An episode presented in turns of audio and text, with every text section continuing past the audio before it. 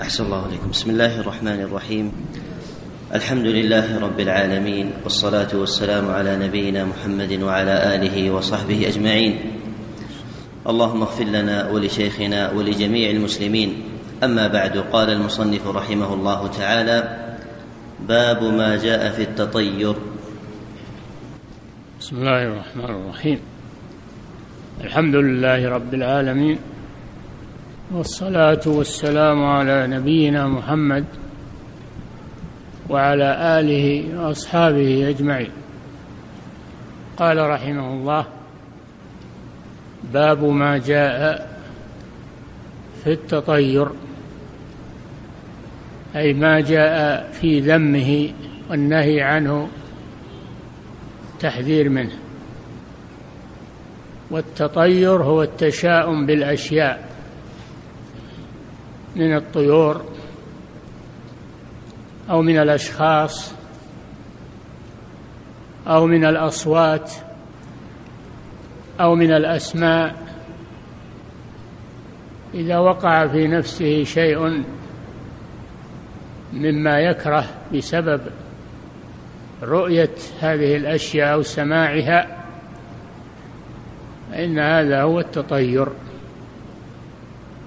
وهو نوع من الشرك كما يأتي. نوع من الشرك لأنه اعتقاد لغير الله سبحانه وتعالى. الذي يأتي بالخير هو الله. الذي يدفع الشر هو الله سبحانه. يجب على المسلم أن يتوكل على الله. ولا يتأثر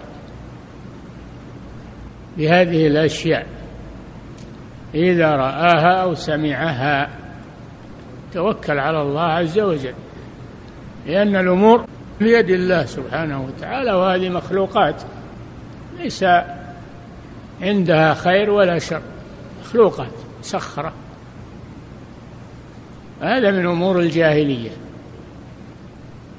بل كان موجودا في الأمم السابقة.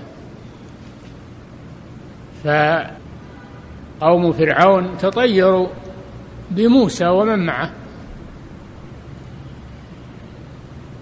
وقوم صالح تطيروا بصالح ومن معه. أصحاب ياسين تطيروا بالمرسلين لما جاءوهم. بقيت هذه خصلة الذميمة تتوارث عند الجهال الذين لم يتعلموا العقيدة الصحيحة. فلذلك الشيخ أراد أن يعالج هذه الظاهرة فعقد هذا الباب وأورد فيه من الآيات والأحاديث ما يحذر من التطير ويبين بماذا يعالج التطير. كله في هذا الباب. فانتبهوا له. نعم. أحسن الله إليكم. قال رحمه الله تعالى وقول الله تعالى ألا إنما طائرهم عند الله ولكن أكثرهم لا يعلمون. هذه في قوم فرعون. هذه في قوم فرعون. إذا جاءتهم الحسنة قالوا لنا هذه أي نستحقها. و وإن جاءتهم سيئة يطيروا بموسى ومن معه من المؤمنين. يقولون أنتم جلبتم لنا الشر. من شفناكم ما شفنا الخير كما يقال الآن من بعض الجهال مع العلماء ومع الدعاة إلى الله الآمرين بالمعروف والناهين عن المنكر. والحسنة إذا جاءتهم الحسنة المراد بالحسنة هنا الخصب والمطر والكلى والخير الذي يوجد في الأرض الحسنة.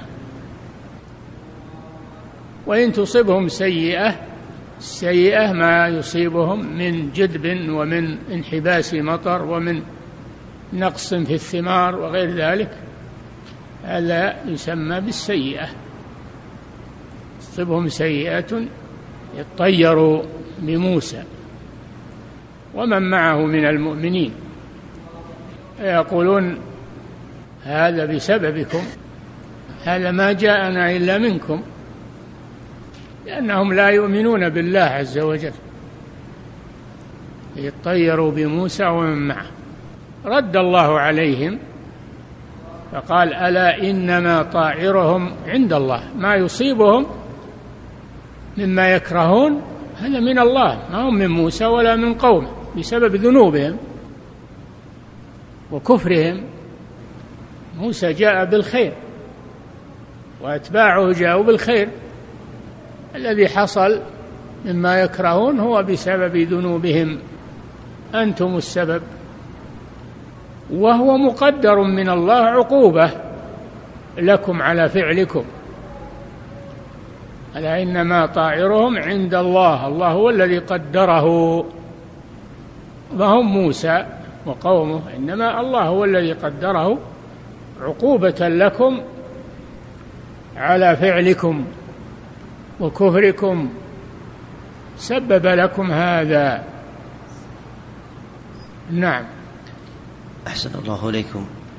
قال رحمه الله تعالى وقوله قالوا طائركم معكم أئن ذكرتم بل أنتم قوم مسرفون.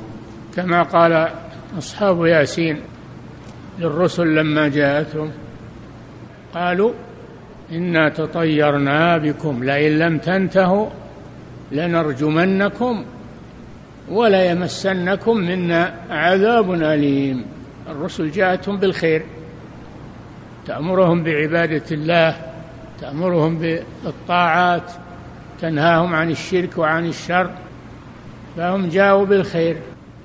هذا الذي أصابهم ليس سببه الرسل إنما سببه أفعالهم وسيئاتهم. طائركم معكم. أنتم اللي سببتم على أنفسكم هذا الذي تكرهونه. طائركم معكم.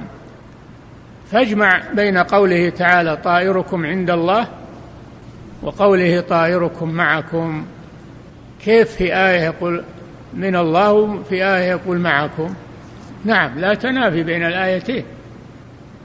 فهو بسبب فعلكم وهو مقدر من الله عقوبة لكم. عقوبة لكم على فعلكم. قالوا طائركم معكم.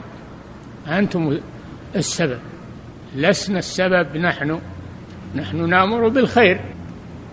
إنما سبب هذا الذين يأمرون بالشر من دعاة الضلال والكفر والشرك والإلحاد. هؤلاء هم اللي يسببون الشر في المجتمع. أما دعاة الخير فهم يسببون الخير. نعم. أحسن الله إليكم. قال رحمه الله تعالى عن أبي هريرة رضي الله عنه أن رسول الله صلى الله عليه وسلم قال لا عدوى ولا طيرة ولا هامة ولا صفر. أخرجاه. نعم. زاد مسلم ولا نوء ولا غول. نعم. ولهما عن أنس. هذا الحديث يقول النبي صلى الله عليه وسلم لا عدوى ولا طيرة ولا هامة ولا صفر. في رواية مسلم شيء خامس وهو ولا غول. ولا غول.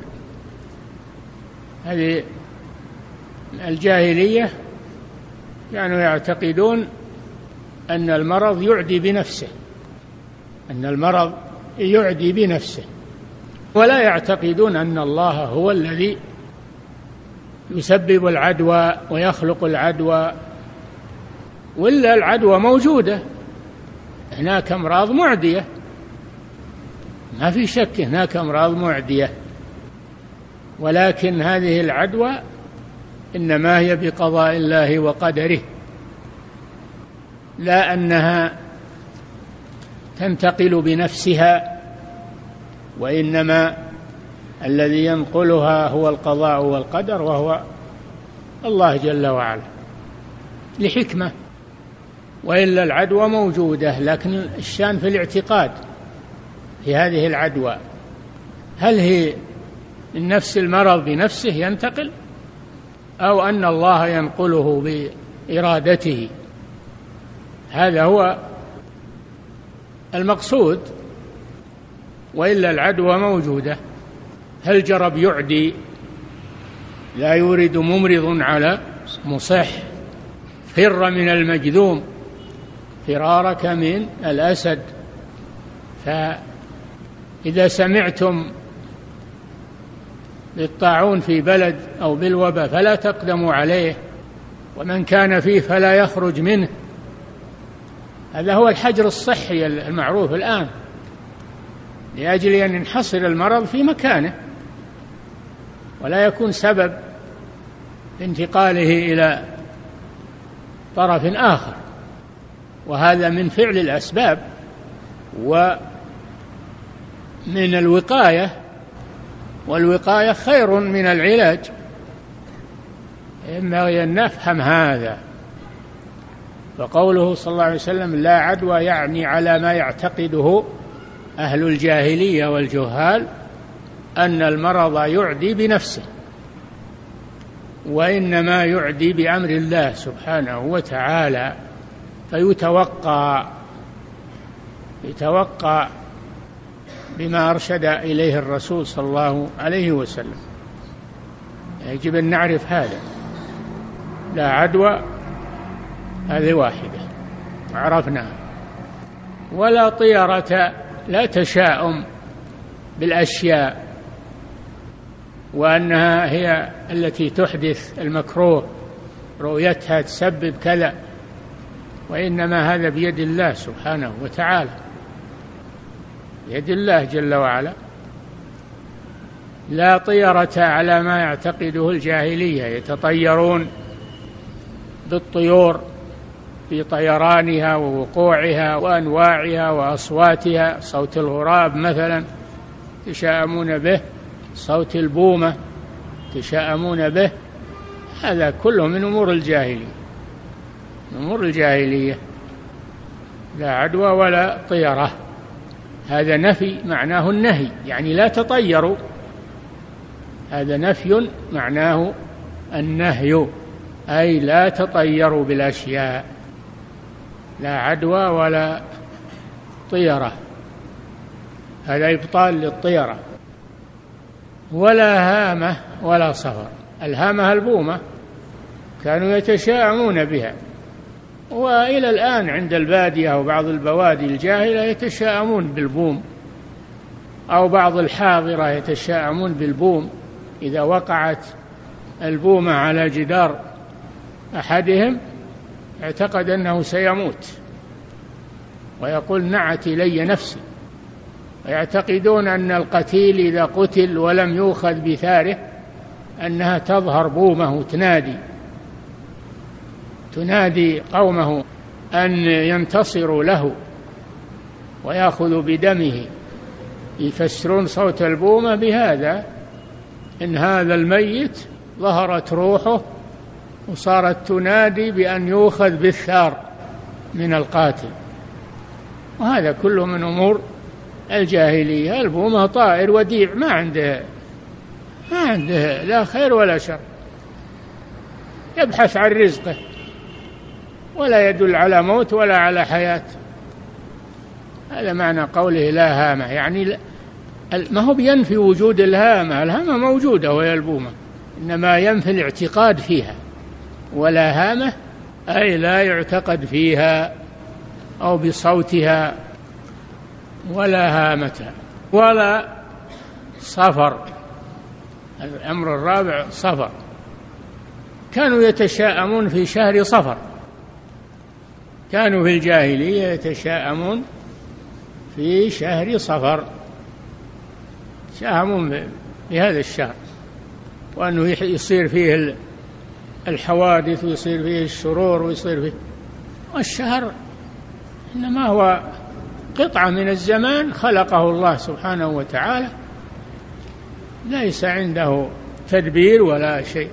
هو كسائر الشهور. شهر كسائر الشهور.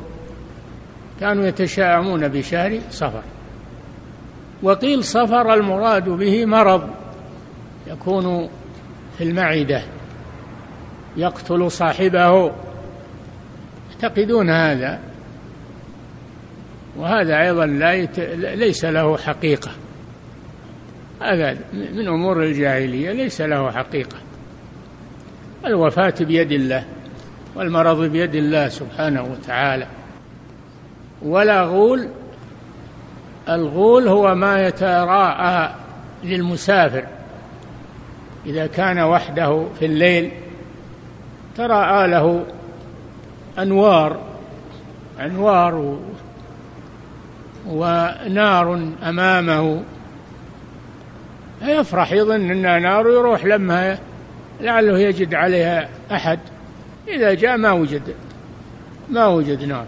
إنما هو الشيطان يتخيل له ليضله عن الطريق وليفزعه. فهذا شيء معروف إن بعض المسافرين يرى هذه النار التي أمامه تنتقل من محل لمحل ويتابعها لأنه محتاج وإذا وصل ما وجد شيء. هذا شيطان ترى آلة من أجل أن يغويه عن الطريق ويتسبب في هلاكه. وضياعه فلا يلتفت لهذه الغيلان. في الحديث إذا تغولت الغيلان فبادروا بالأذان لأن الأذان يطردها لأن الشياطين تنفر من ذكر الله عز وجل ومن تلاوة القرآن. فلا يتأثر بها الإنسان ولا يصدقها ولا يذهب إليها يمشي في طريقه ويتركها. هذه من أمور الجاهلية أبطلها الإسلام والشاهد منه. لا طيرة. نعم. أحسن الله إليكم. قوله ولا نوء. ولا نوء سادس هذا. كانوا يعتقدون في النجوم إذا طلعت يسمون النجم النوء. إذا طلع أو غرب يقولون يحدث مطر يحدث تهب رياح يحدث يحدث خير أو يحدث شر عند طلوع النجم الفلاني. يسمونها الأنواء وهي منازل القمر. هي منازل القمر. هذه الأنواء يعني النجوم التي تطلع في الفجر أو تغرب في لأن كل كل نجم له رقيب. إذا غاب ظهر الرقيب إذا طلع هذا غاب هذا. كل نجم من هذه النجوم له طالع وغارب. يسمونها الرقيب. يعتقدون أن طلوع النجوم في الفجر يسبب إما خير وإما شر أو غروبه في العشاء يسبب خير ولا شر. الرسول صلى الله عليه وسلم نفى هذا وقال لا نوء. ما هو بنفي للنوع النوع موجود إنما هو نفي للاعتقاد فيه. أنه يحدث خيرا أو شرا. هذا بيد الله سبحانه وتعالى وإنما هذه النجوم مسخرات بأمر الله سبحانه وتعالى لمصالح العباد. نعم. أحسن الله إليكم. قال رحمه الله تعالى ولهما عن أنس رضي الله عنه قال قال رسول الله صلى الله عليه وسلم لا عدوى ولا طيرة ويعجبني الفأل. قالوا وما الفأل؟ قال الكلمة الطيبة. نعم لا شك أن الإنسان تحصل له خواطر نفسية إما مكروهة وإما محبوبة. إما يؤمل الشر وهذه الطيرة يخطر بباله الشر بسبب شيء رآه أو صوت سمعه أو ما أشبه ذلك. يخطر له خاطر شر. وإما شيء محمود إذا سمع شيئا يعجبه قال هذا خير ويبي يحصل خير أو اسم حسن أو أمل خيرا هذا يسمى الفعل. هذا يسمى الفال كلاهما خواطر نفسية لكن الطيرة محرمة ومذمومة. الفال مستحب. كان صلى الله عليه وسلم يعجبه الفال. وكان يتفاءل بالأسماء الحسنة إذا سمع أو بالأصوات الطيبة. يتفاءل بها خيرا. وهذا طيب لأنه إحسان ظن بالله. تأمين للخير. وأما الأول وهو التطير هذا تأمين للشر. وسوء ظن بالله عز وجل. فلذلك فرق بينهما النبي صلى الله عليه وسلم. كان يعجبه الفال عليه الصلاة والسلام وقال أحسنها أي هذه الخواطر التي تحدث في النفس أحسنها الفال نعم. أحسن الله إليكم. قال رحمه الله تعالى ولأبي داود بسند صحيح عن عروة بن عامر رضي الله عنه قال ذكرت عندك عروة ولا عقبة؟ مصحح عندي عروة يا شيخ. ها؟ مصحح عندي عروة. ليه ما قريته على أصله؟ علشان يصحح. حطه شيخ في المتن. ها؟ هو بتصحح من عندك. لا في المتن يا شيخ ها؟ في المتن في المتن. اقرأ اقرأ اللي بالكتاب. نعم. أحسن الله عليكم. ولأبي داود بسند صحيح عن عقبة بن عامر رضي نعم الله عنه. كذا في الأصل كذا في الأصل. الصحيح عن عروة بن عامر. عن عروة بن عامر. نعم. أحسن الله عليكم المتن خله على ما هو عليه لا تغيره. لكن اكتب في الهامش قل الصواب عروة بن عامر. وهذه قاعدة يا إخوان. الإنسان ما يتصرف في الكتب ويغيرها ويبدل عباراتها. لا إذا صار عنده تعليق يخليه في الهامش. خليه في الهامش ولا في الشرح. والأصل يبقى على ما هو عليه هذه أمانة العلم.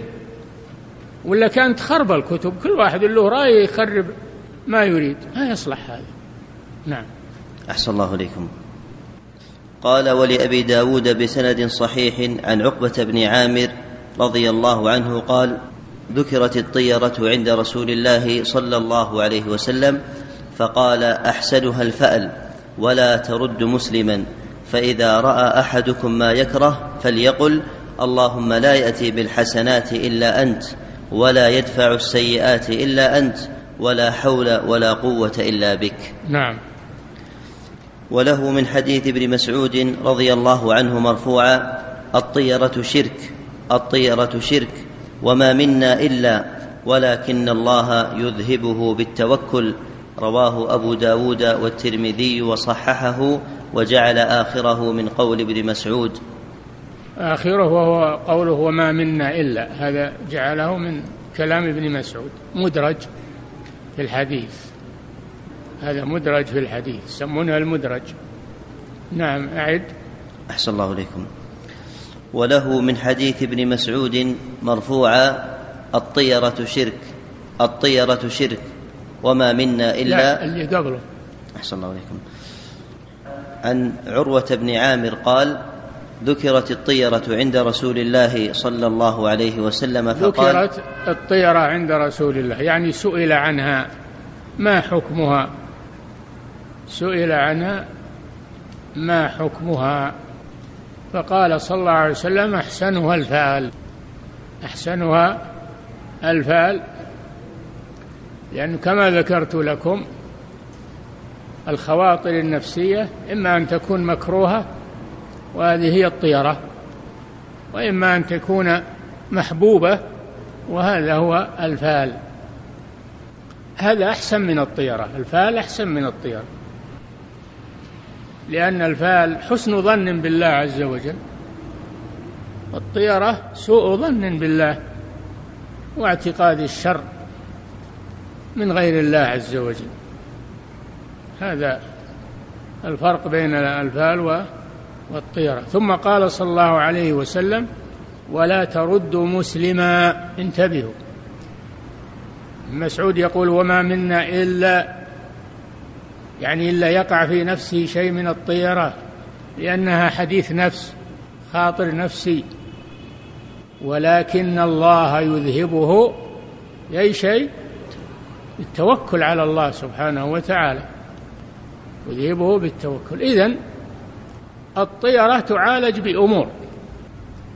أولا أن الإنسان يتوكل على الله. إذا أحس بشيء من التشاؤم أو من الطيرة فإنه يتوكل على الله ويرفض هذا الهاجس السيء.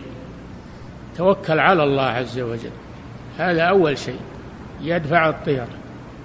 الثانية أن يدعو بالدعاء الوارد. فيقول اللهم لا يأتي بالحسنات إلا أنت ولا يدفع السيئات إلا أنت ولا حول ولا قوة إلا بك. هذا مما تدفع به الطيرة إذا حصلت في النفس.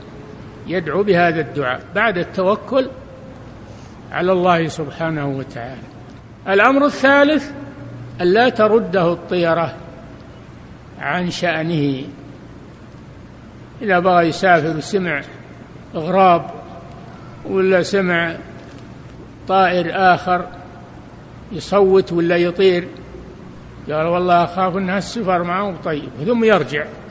تطير إذا رأى أو سمع شيئا يكرهه يرجع. هذا معناه أن الطيرة أثرت فيه. هذا لا يجوز. واجب أنه يمضي. ما أمضاك في سفرك وشأنك أو ردك عن شأنك. هذه هي الطيرة. أما الخاطر الذي في النفس فإذا أحسست به فعليك أولا التوكل على الله ثانيا الدعاء الوارد ثالثا أن تمضي في ما عزمت عليه ولا ترجع عنه. بهذا تعالج الطيرة. وقوله ما منا إلا يعني يقع في نفسه شيء. إنسان بشر ولكن يعالجه بهذه الأمور. أعد حتى يترسخ هذا. نعم. طيب أحسن الله عليكم. قال ولأبي داود بسند صحيح عن عروة بن عامر قال ذكرت الطيرة عند رسول الله صلى الله عليه وسلم فقال أحسنها الفأل ولا ترد مسلما. ولا ترد مسلما. ولا ترد مسلما. هذا مما تدفع به الطيرة أنه لا يعدل عن عزمه وما عزم عليه بل يمضي فيه.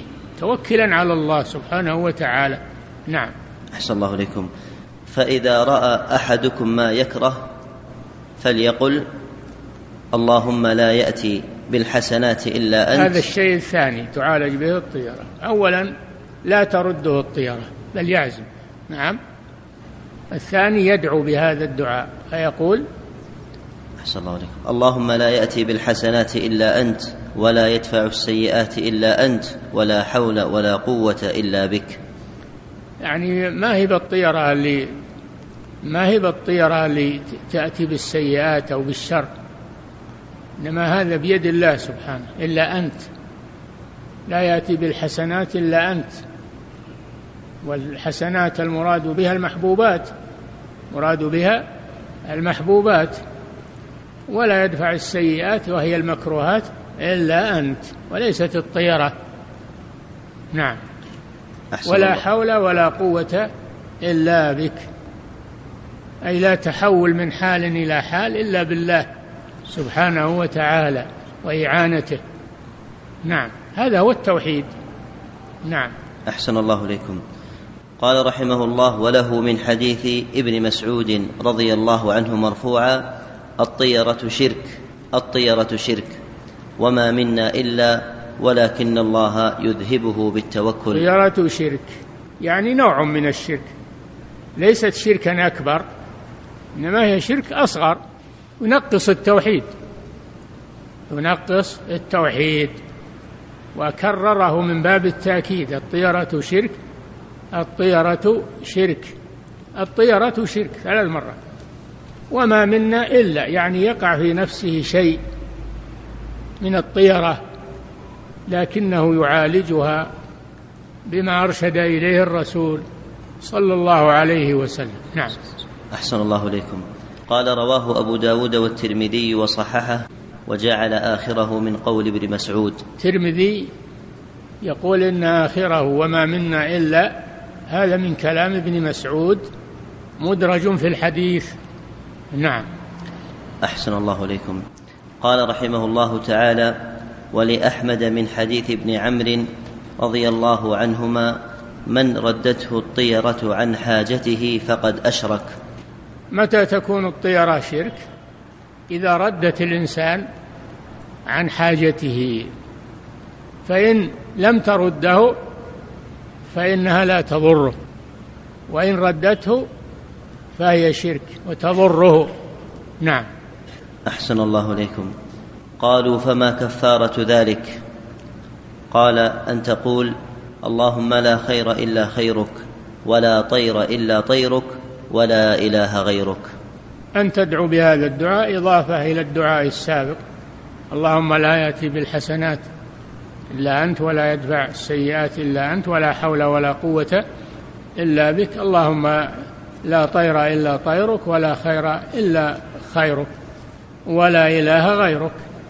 هذا الدعاء في الحديثين تعالج به الطيرة وهو دعاء عظيم يتضمن التوحيد والتوكل على الله سبحانه وتعالى.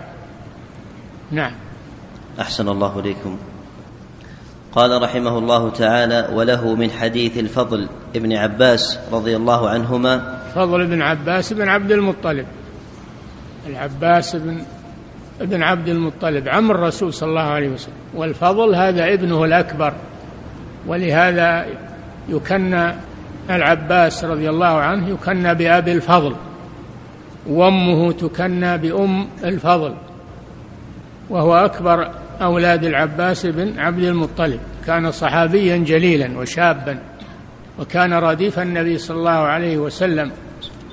لما انصرف من من مزدلفة لما انصرف من مزدلفة إلى منى يوم العيد كان هو رديف النبي صلى الله عليه وسلم.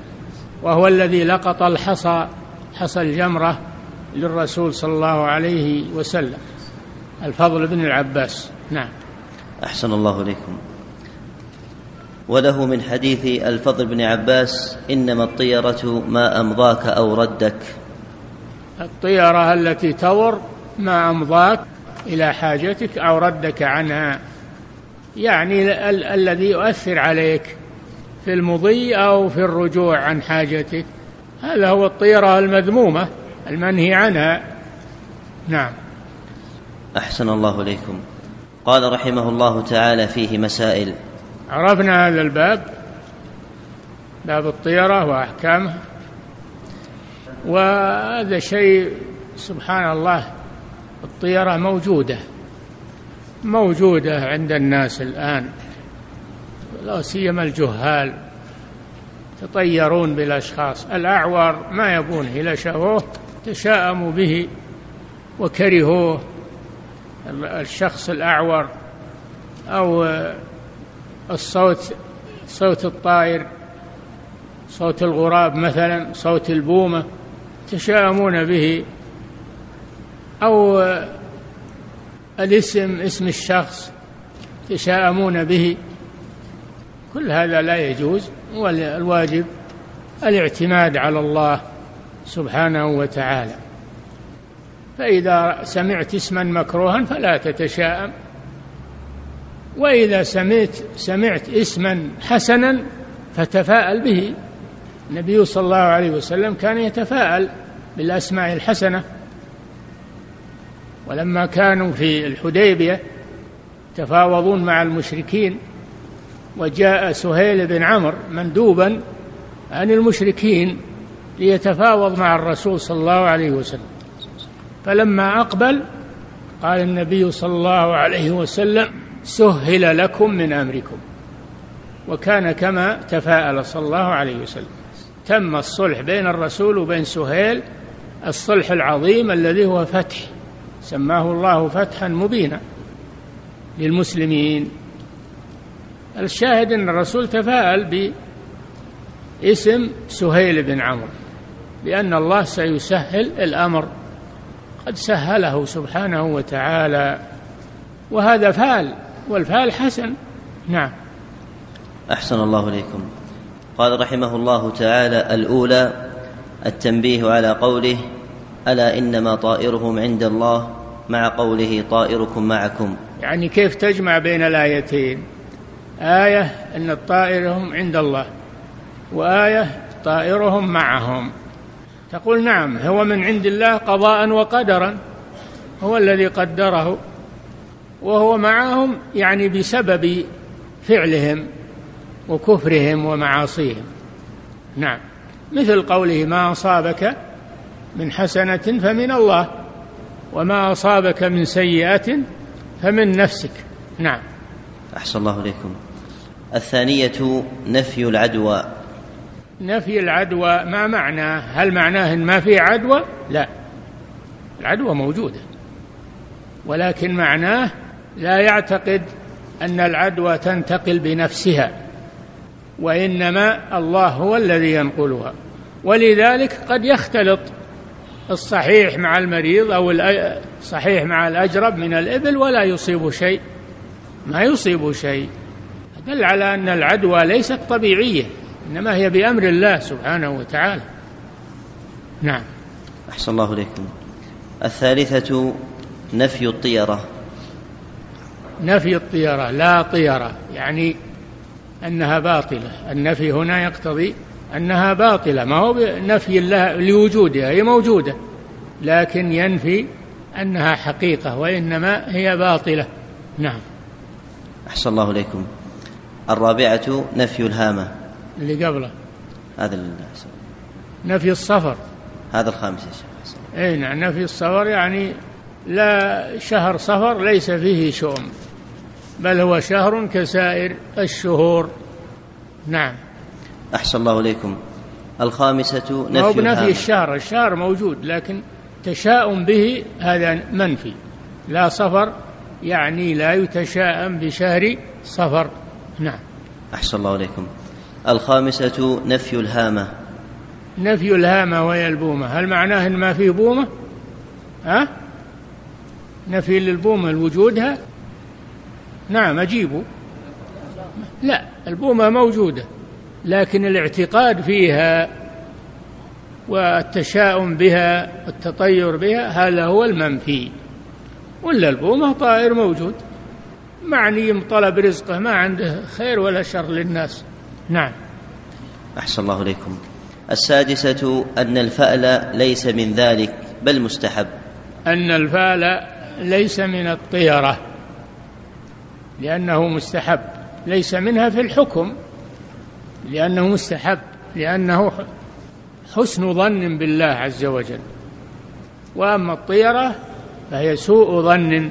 بالله عز وجل. هذا الفرق بين الفال والطيرة. نعم. أحسن الله إليكم. السابعة تفسير الفأل. تفسير الفأل بأنه الفال الحسن. الفال الحسن تأميل الخير. نعم. أحسن الله إليكم. الثامنة أن الواقع في القلوب من ذلك مع كراهته لا يضر بل يذهبه الله بالتوكل. أن الطيرة تقع في القلوب. كل إنسان إنسان بشر كل إنسان يقع في نفسه شيء من التطير ولكنه لا ينفعل معه بل يرده يرده ولا يضره إذا رده ألا يضره ذلك. نعم. بل يذهبه الله بالتوكل. توكل على الله. نعم. وعدم تأثر بالطيرة. نعم. أحسن الله إليكم. التاسعة ذكر ما يقول من وجده. اي نعم كيف تعالج الطيرة تعالج أولا بالتوكل على الله سبحانه وتعالى ثانيا تعالج بالمضي فيما عزم الإنسان عليه ثالثا تعالج بالدعاء. الأدعية الواردة عن الرسول صلى الله عليه وسلم وبهذا تعالج الطيرة ويذهب أثرها عن المسلم. نعم. أحسن الله إليكم. العاشرة التصريح بأن الطيرة شرك. تصريح بأن كما في حديث ابن مسعود الطيرة شرك الطيرة شرك الطيرة شرك لكنه من الشرك الأصغر الذي ينافي كمال التوحيد ولا ينافي أصل التوحيد. نعم. أحسن الله إليكم. الحادية عشرة والأخيرة تفسير الطيرة المذمومة. ما أمضاك أو ردك. تفسيرها الطيرة المذمومة. ما أمضاك في حاجتك أو ردك عنها. هذه هي الطيرة المذمومة. أما الخاطر النفسي هذا لا يضر. نعم. باب ما جاء في التنجيم. يكفي هذا وهذا آخر درس في هذا العام فإلى الدرس القادم إن شاء الله في وقته. نعم. صلى الله وسلم على نبينا محمد. عندك أسئلة؟ إيه نعم. إيه. نعم نصلي على النبي صلى الله عليه وسلم. لو عندك أسئلة ما يخالف. نعم. أحسن الله عليكم يقول السائل بارك الله فيكم ما حكم التشاؤم بالزوجة والبيت والدابة؟ وهل السيارة تأخذ حكم الدابة؟ هذا ورد في حديث الشؤم في ثلاث المرأة والدابة والبيت. فما معناه؟ مع أن الرسول نفى التطير والتشاؤم. هذا الحديث يثبتها في هذه الثلاث يثبتها في هذه الثلاث. من العلماء من يقول على العموم لا يعمل الإنسان بالطيرة لا في البيت ولا في المرأة ولا في الدابة توكل على الله ولا يت... أخذا بالأحاديث الأخرى الحديث الأخرى. ومن العلماء كابن القيم رحمه الله من يقول إن الله قد يخلق أعيانا شريرة أعيانا شريرة شيء شيطانة. المرأة قد تكون شيطان من شياطين الإنس ما هم من الجن. شياطين الإنس الدواب أيضا فيها شياطين. الدواب فيها شياطين شياطين الدواب. البيت البقعة البقعة قد تكون مشومة. خلقها الله مشومة بقعة شر. فهذه تجنبها. تجنب المرأة الشيطانة تجنب الدابة الشيطانة تجنب البيت وابتعد لئلا يقع في نفسك حساسات وحزازات. إذا قاربت هذه الأمور ابتعد عنها لأجل أن ترتاح ترتاح نفسك. نعم. أحسن الله. هذا معنى كلام ابن القيم رحمه الله. نعم. أحسن الله أن الحديث على ظاهره ويعمل به وأن الله يخلق ما يشاء يخلق من الدواب شياطين ويخلق من النساء شياطين ويجعل بعض البقاع مشؤومة. فأنت تجنب هذه الأشياء من أجل أن تستريح. نعم. أحسن الله إليكم. يقول السائل كيف نجمع بين حديثي الرسول صلى الله عليه وسلم فر من المجذوم وحديث أكل مع المجذوم؟ نعم. إذا قوي التوكل على الله. إذا قوي التوكل على الله فكل مع المجذوم ولا يضرك بإذن الله. وقد أكل النبي صلى الله عليه وسلم معه وقال كل بسم الله. فإذا قوي التوكل على الله فكل مع المجذوم. أما إذا كان التوكل ضعيفا فأنت تبتعد عن المجذوم من باب الاحتياط والتوقي. والوقاية خير من العلاج. نعم. أحسن الله إليكم. يقول السائل كيف تنتقل الطيرة من الشرك الأصغر إلى الشرك الأكبر؟ ما ذكروا أنه تنتقل إلى الشرك الأكبر. ما ذكروا هذا. ذكروا أنها شرك أصغر. نعم. أحسن الله إليكم. يقول السائل نرجو التفصيل في من يتشاءم بالغبار وبيوم السبت. مثل غيره. مثل إخوانه من المتشائمين هذا لا يجوز. آه، الغبار من آيات الله والله هو الذي خلقه وأوجده. ويوم السبت يوم من أيام الله مثل شهر صفر من شهور الله التي خلقها ولا يتشاءم فيه. نعم. أحسن الله إليكم. يقول السائل ذكر المصنف رحمه الله في المسألة الحادية عشر تفسير الطيرة المذمومة. الحادية. إيه. عشرة. عشرة. أحسن الله إيه تقول الحادية عشرة. هذا غلط. نعم أحسن الله إيه نعم. في المسألة الحادية عشرة تفسير الطيرة المذمومة.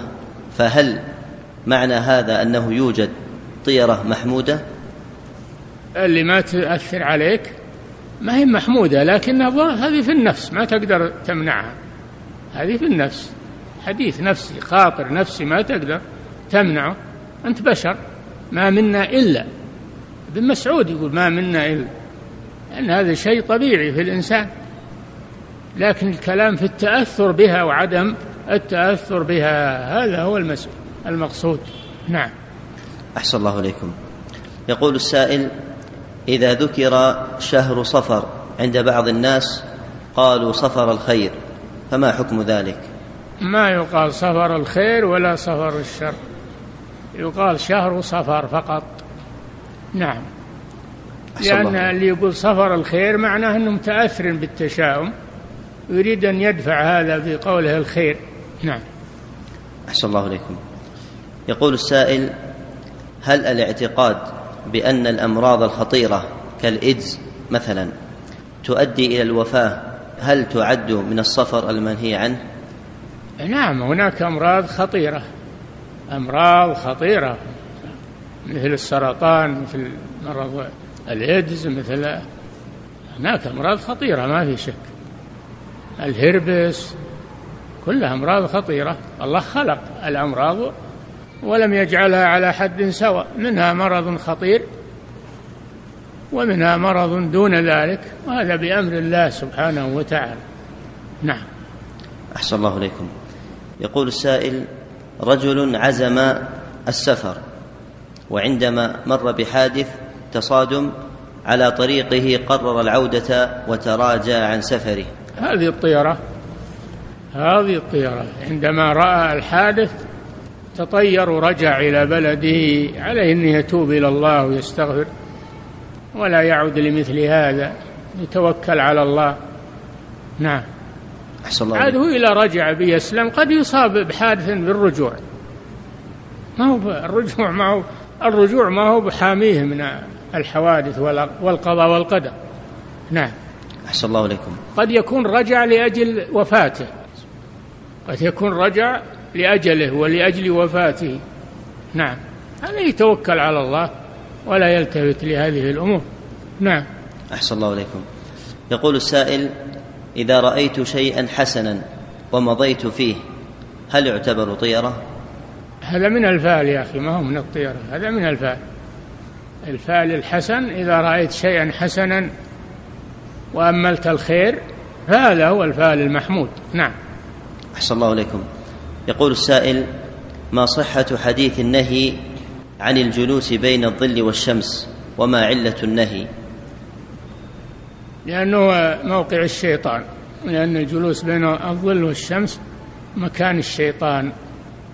وهذا مكروه أنك تجلس بين الظل والشمس لئلا تتشبه بالشيطان. نعم. أحسن الله إليكم. يقول السائل نرى كثيرا من الناس إذا دخل شخص قاموا له للسلام فهل يدخل في النهي أو يكون هذا على حسب عادة أهل البلد. لا إذا قاموا له ليسلموا عليه ويستقبلوه هذا شيء طيب. أما إذا قاموا احتراما له ولا يسلمون عليه مثل ما يقوم الطلاب للمدرس فهذا لا يجوز. هذا منهي عنه. نعم. أو جلس وقاموا عليه وقوفا هذا لا يجوز. إلا للحراسة. إذا كان ولي أمر عليه خطر ويحرسونه يقومون على رأسه للحراسة لا بأس بهذا. هذا لحاجة وضرورة. أما من باب التعظيم يقومون عليه من باب التعظيم هذا لا يجوز. هذا فعل فارس فعل الفرس مع ملوكهم. نعم. أحسن الله إليكم يقول السائل ما حكم التسبيح باليد اليسرى مع اليمنى؟ لا بأس بذلك. كلاهما يديك يا أخي. اليسرى ما هي بيدك؟ يبكي أيضا أنت حينما حينما ترفع يديك للتكبير أن ترفع اليمنى فقط ولا اليمنى واليسرى؟ كذلك عندما تدعو أن ترفع اليد اليمنى فقط وتدعو أو ترفع اليدين إلى السماء هذا لا لا أصل له أنك تسبح باليمنى فقط. سبح باليمنى وباليسرى. وكلا أصابع اليمنى واليسرى مستنطقات يوم القيامة. السجود أن تسجد باليسرى فقط ولا تسجد باليسرى واليمنى؟ اليسرى مصاحبة لليمنى في العبادات. نعم. أحسن الله عليكم يقول السائل هل صحيح أن رفع الصوت بالتسبيح في السجود والركوع من البدع؟ اللي يأثر على اللي بجنبه نعم لا يجوز. لأنه يأثر على من بجانبه أما إذا لم يؤثر على أحد فلا مانع. نعم. أحسن الله عليكم يقول السائل نريد منكم نصيحة وتوجيها أن الفنادق والأبراج التي حول الحرم يكثر فيها اختلاط الرجال بالنساء وهناك النساء تظهر الزينة وكل فتنة ماذا تنصح هذه النسوة والشباب المتواجدين هناك؟ سألهم أن يتقوا الله عز وجل ولا سيما وأنهم في حرم الله الذي تغلظ فيه السيئات تغلظ السيئات في الحرم. أكثر من غيرها عليهم أن يتقوا الله وعلى المرأة المسلمة أن تصون نفسها وأن تبتعد عن الاختلاط وأن تلتزم بالحجاب تتقي الله في نفسها وعلى وليها أن يلزمها بذلك لأنه مسؤول عنها. نعم. أحسن الله عليكم يقول السائل ما حكم العباية الضيقة والمزركشة العباءة ما جعلت للزينة إنما جعلت للستر. تكون فوق الثياب تكون فوق الثياب تغطي الثياب.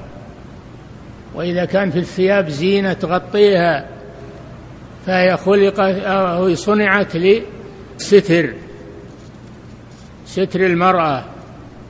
ولا تزركش ولا ولا تكون ضيقة إنما تكون واسعة فضفاضة تضفي على المرأة زيادة ستر لها. نعم. أحسن الله عليكم. يسأل عن حكم البناطيل للنساء.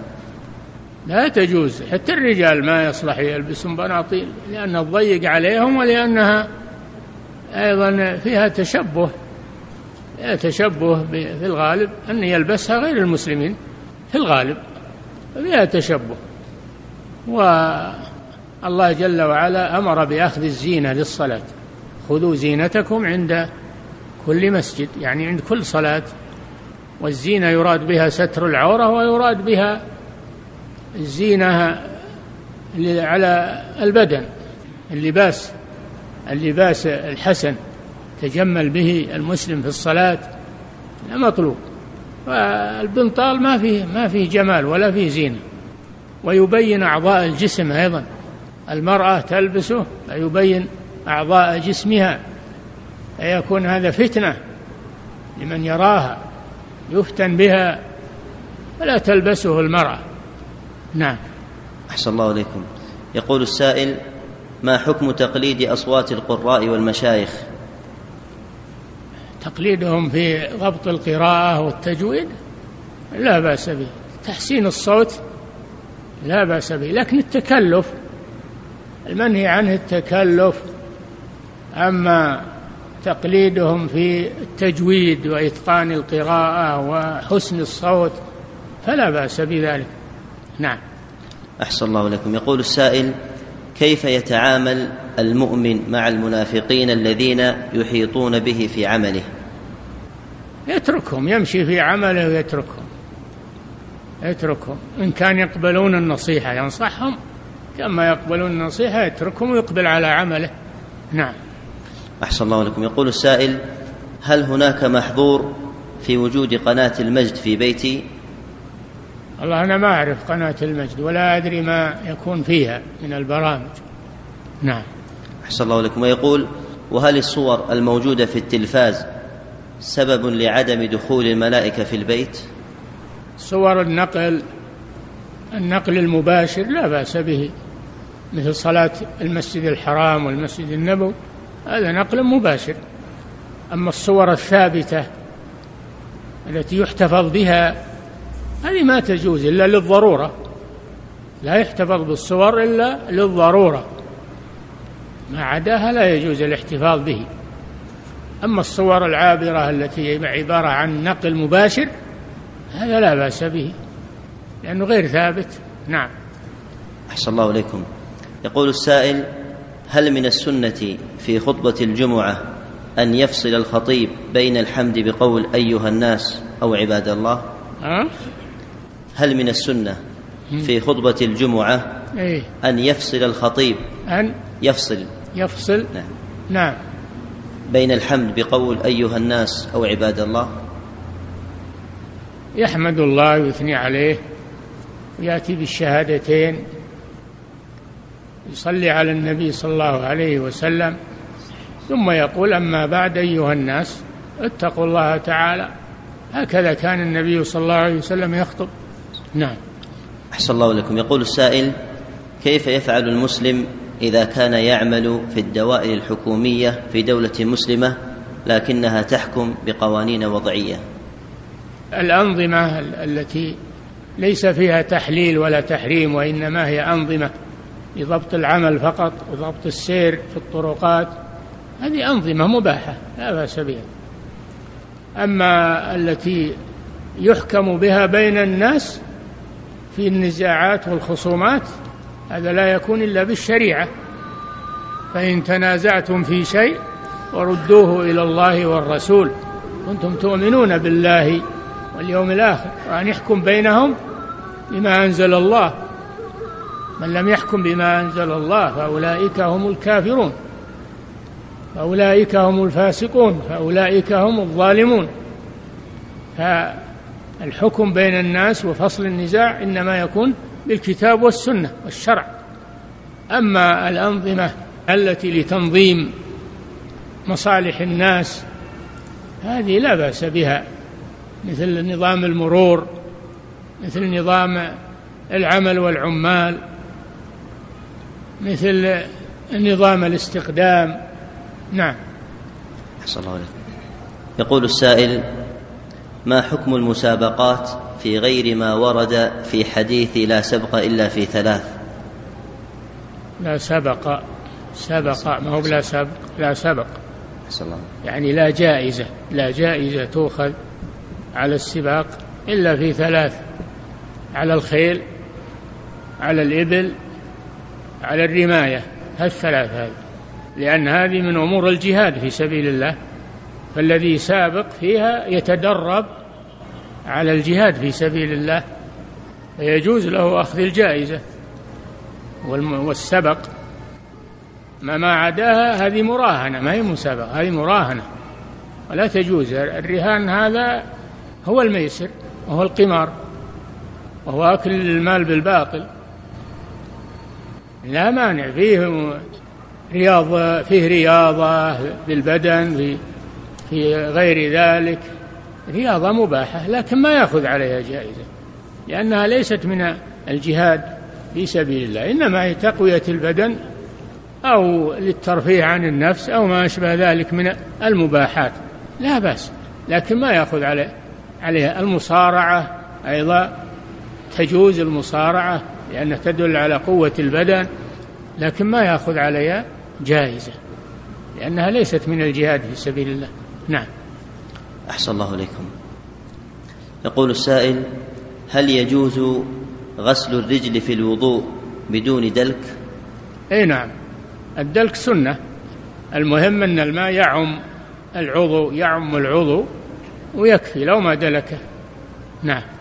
أحسن الله إليكم. يقول السائل هل صحيح أنه لا يجوز قلب النعال على وجهه لأن ذلك يكون في اتجاه السماء؟ نعم هذا يكرهونه الناس عادة وأنا ما وجدت يعني عليه دليل. لكن عادة الناس وتشمئز النفوس من هذا فأنت لا تنفر الناس. نعم. أحسن الله إليكم. يقول السائل ما حكم قول أكرمكم الله عند ذكر شيء مستقدر أو مستقبح؟ طيب لا بأس. نعم. أحسن الله لكم يقول السائل ما حكم صور ذوات الأرواح؟ التي توجد على الأحذية وألعاب الأطفال. لا يجوز الاحتفاظ بها. تزال إذا أمكن إزالتها تزال. إذا ما أمكن إزالتها لا تشتريها. اشتر شيء سليم ما عليه صور نعم. أحسن الله إليكم. يقول السائل توفي والدي رحمه الله وقبل وفاته أوصى أن يكون البيت الذي يسكنه لأمي وعمتي. فهل تلزم هذه الوصية؟ والله هذه راجع فيها القاضي. إثبات الوصايا عند القضاة. راجع القاضي فيه. نعم. أحسن الله عليكم. يسأل عن إخراج العقارب والثعابين من جحورها ثم قتلها وتقديمها إلى الجامعات لإجراء البحوث والدراسات عليها. قتل المؤذيات؟ هذا مطلوب. قتل المؤذيات من الحيات والعقارب. هذا مطلوب ولو لم تطلبها الجامعات لأن هذا فيه دفع لشرها عن الناس. ويجوز أنها تقتل وتعطى للجامعات إذا كان يجرون عليها تجارب ودراسة مفيدة لا بأس. نعم. لكن ما تباع. ما يجوز أخذ الجائزة عليها أو الثمن حرام. الحشرات ما تباع. نعم. أحسن الله عليكم يقول السائل هل من تحسين الأذان أن يكون بالتمطيط؟ توسط في هذا يحسن صوته بالأذان ويرفع صوته لأجل يسمع من غير مبالغة ومن غير تمطيط كثير. نعم. أحسن الله عليكم يقول السائل إذا كنت مسافرا وأدركت الجماعة في صلاة العشاء في آخر ركعتين فهل أكتفي بهذه الركعتين أم يلزمني أن أتم؟ الصلاة يعني بهواك تكتفي بركعتين بس؟ لا إذا دخلت مع إمام يتم الصلاة يلزمك الإتمام ولو ما جيت إلا قبل السلام يلزمك الإتمام لأن المأموم يمشي على حكم الإمام. والنبي صلى الله عليه وسلم قال إنما جعل الإمام ليتم به. فإذا أتم الصلاة يلزم المأموم الإتمام ولا يقصر خلفه. بل لو كان الإمام يقصر الصلاة للسفر فإن المأموم إذا كان مقيما لا يحل له القصر يقوم ويتم الصلاة. بعد ما يسلم. نعم. أحسن الله إليكم. يقول السائل ما حكم لعب العرضة في الأعراس؟ الشيء اللي ما فيه لهو ولا فيه خطر ولا فيه لا بأس به. نعم. أحسن الله إليكم. يقول السائل هل مانع الزكاة كافر؟ وهل الصحابة كفروا تاركين الزكاة بمجرد الترك أم لجحود وجوبها؟ إذا جحد وجوب الزكاة هذا كافر بالإجماع. وأما إذا منعها بخلا مع إقراره بوجوبها فهذا يلزم بدفع الزكاة يلزم. تؤخذ منه قهرا. ولو أدى هذا إلى قتاله إذا كان له شوكة ومنعه وقاتل دون أن تؤخذ الزكاة منه. فيقاتل يقاتله ولي الأمر ويأخذ الزكاة منه كما فعل الصديق رضي الله عنه مع مانع الزكاة. نعم. أحسن الله إليكم. يسأل السائل عن مشاهدة حكم التلفاز. ما أنصح به. أنا ما أنصح به. والأخبار والأشياء يجدها في الراديو بدون تلفاز. نعم. أحسن الله إليكم. يقول السائل هناك من يضع إعلانات للمحاضرات والدروس داخل المسجد. لا هذا ممنوع وصادر فيه فتوى من اللجنة الدائمة بأنه ما يوضع في المسجد داخل المسجد إعلانات وإنما تكون خارج المسجد. نعم. أحسن الله إليكم. يقول السائل ما حكم من قال إن الرسول أمي لا يقرأ ولا يكتب فقد كذب. هذا هو الكاذب. الرسول الله قال أمي النبي الأمي الرسول ما كان يقرأ ولا يكتب. وما كنت تتلو من قبله من كتاب ولا تخطه بيمينك إذا لارتاب المبطل. الرسول أمي. ومع هذا حمل هذا العلم العظيم للعالم كله. مع أنه أمي.